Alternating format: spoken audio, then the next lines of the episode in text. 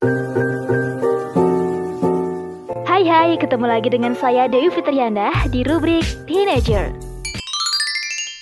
Oleh-oleh investasi asing, senang atau galau?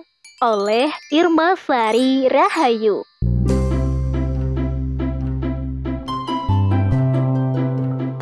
Jangan lupa oleh-olehnya ya. Hayo, siapa nih yang suka nodong minta oleh-oleh kalau ada teman atau kerabat yang pergi ke luar kota atau luar negeri? Ya, minimal dibawain makanan atau souvenir aja sudah senang banget. Hayo, betul apa betul? ya, meminta atau dibawakan oleh-oleh hasil jalan-jalan memang sudah jadi kebiasaan umum di masyarakat kita ya. Asalkan gak memberatkan orang yang membawakannya sih gak apa-apa. Kadang-kadang ada juga loh yang senang banget bawa oleh-oleh buat teman atau keluarganya sebagai bentuk kasih sayang katanya. Duh, uwu banget sih.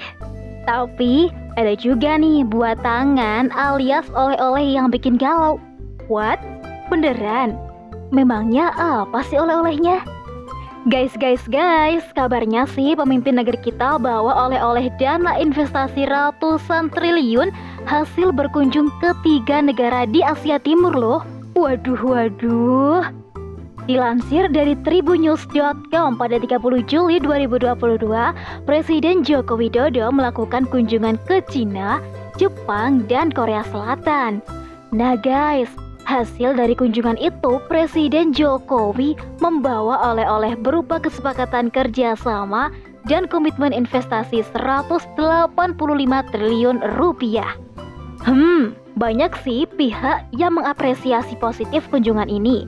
Salah satunya dari tenaga ahli utama kantor staf kepresidenan atau KSP, Titi Ruhaini Zuhayatin yang mengatakan kunjungan Presiden Jokowi ke tiga negara itu membuktikan kalau negara kita bukan hanya sekedar pasar dari ketiganya, tapi juga mitra yang nantinya juga akan meraup keuntungan. Hmm, menurut kamu gimana guys? Sebenarnya kunjungan ini membanggakan atau malah membahayakan sih? Investasi asing bak serigala berbulu domba. Guys, banyak loh yang gak sadar dengan bahaya investasi yang diberikan oleh asing. Kelihatannya sih baik, padahal nanti bakal menerkam. Dia itu seperti jaring laba-laba yang siap menjerat serangga yang hinggap di atasnya. Lah, memang bahayanya apa sih? Bukannya bagus ya? Berarti kita kan punya modal buat mengelola proyek-proyek negara. Kan hasilnya rakyat juga yang merasakan. Salahnya di mana? Eits, Wallace dong, gak usah ngegas, kalem aja guys. Jadi gini nih guys, kalau kita bicara bisnis, pasti deh ujung-ujungnya adalah keuntungan yang mau diraih dong. Nah, para investor sebagai pemilik modal pasti sudah memperhitungkannya kan?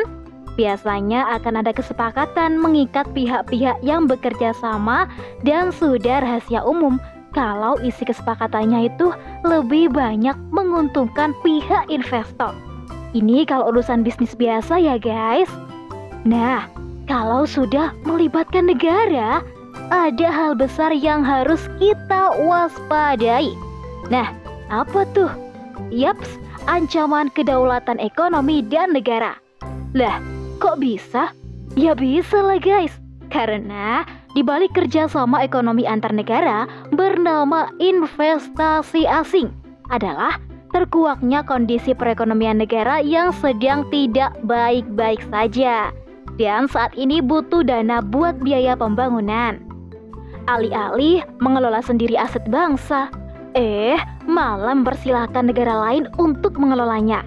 Akhirnya negara kita jadi gak mandiri, bergantung terus kepada negara lain. Bisa difahami ya? Nah guys, kedaulatan negara juga bisa terancam loh gegara urusan investasi asing ini.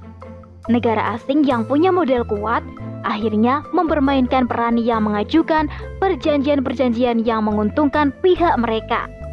Ilas isinya seakan-akan menguntungkan kedua negara.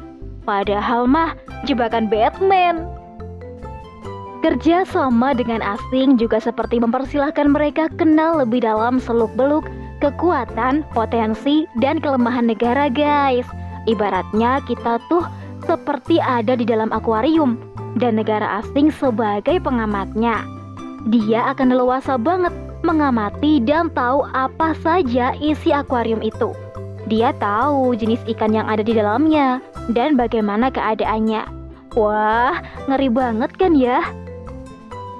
Guys, kenapa ya pemimpin negara kita nggak belajar untuk sadar betapa berbahayanya kerjasama dengan asing apa pun bentuknya? Apalagi kerjasama dengan negara yang jelas-jelas memusuhi Islam dan pemeluknya seperti Cina.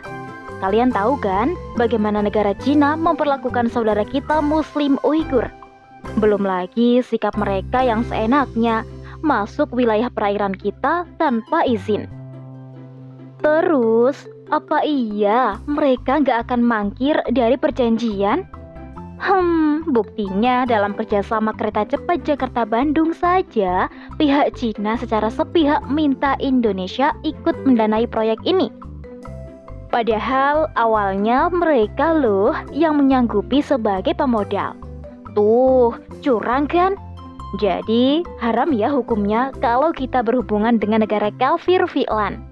Terus, gimana ya dengan Jepang dan Korea Selatan? Kan mereka nggak melakukan kekerasan terhadap Muslim. Iya sih guys, but don't forget guys, kedua negara ini juga sebagai penyumbang kerusakan generasi bangsa lewat jualan budaya liberal mereka. Jadi ya sami mawon alias sama saja. Allah Subhanahu wa Ta'ala sudah memperingatkan loh kalau kita nggak boleh menjadikan orang kafir sebagai orang yang dipercaya, apalagi jadi teman. Kenapa coba? Yap, karena pada dasarnya mereka tuh benci banget sama Islam. Simak deh surat Al-Imran ayat 113 ini. Hai orang-orang yang beriman, janganlah kamu ambil menjadi teman kepercayaanmu orang-orang yang di luar kalanganmu karena mereka tidak henti-hentinya menimbulkan kemudaratan bagimu. Mereka menyukai apa yang menyusahkan kamu. Telah nyata kebencian dari mulut mereka dan apa yang disembunyikan oleh hati mereka adalah lebih besar lagi. Sungguh telah kami terangkan kepadamu ayat-ayat kami jika kamu memahaminya. Nah guys, sebenarnya tanpa bergantung dengan investor asing, negara ini bisa maju kok. Yaps, Allah Subhanahu wa taala memberikan negeri ini sumber daya alam yang melimpah dan sumber daya manusia yang hebat-hebat tentunya. Tinggal bagaimana pengelolaan negara terhadap kekayaan yang kita punya juga memberikan kesempatan dan kepercayaan kepada rakyatnya yang punya keahlian untuk mengelola.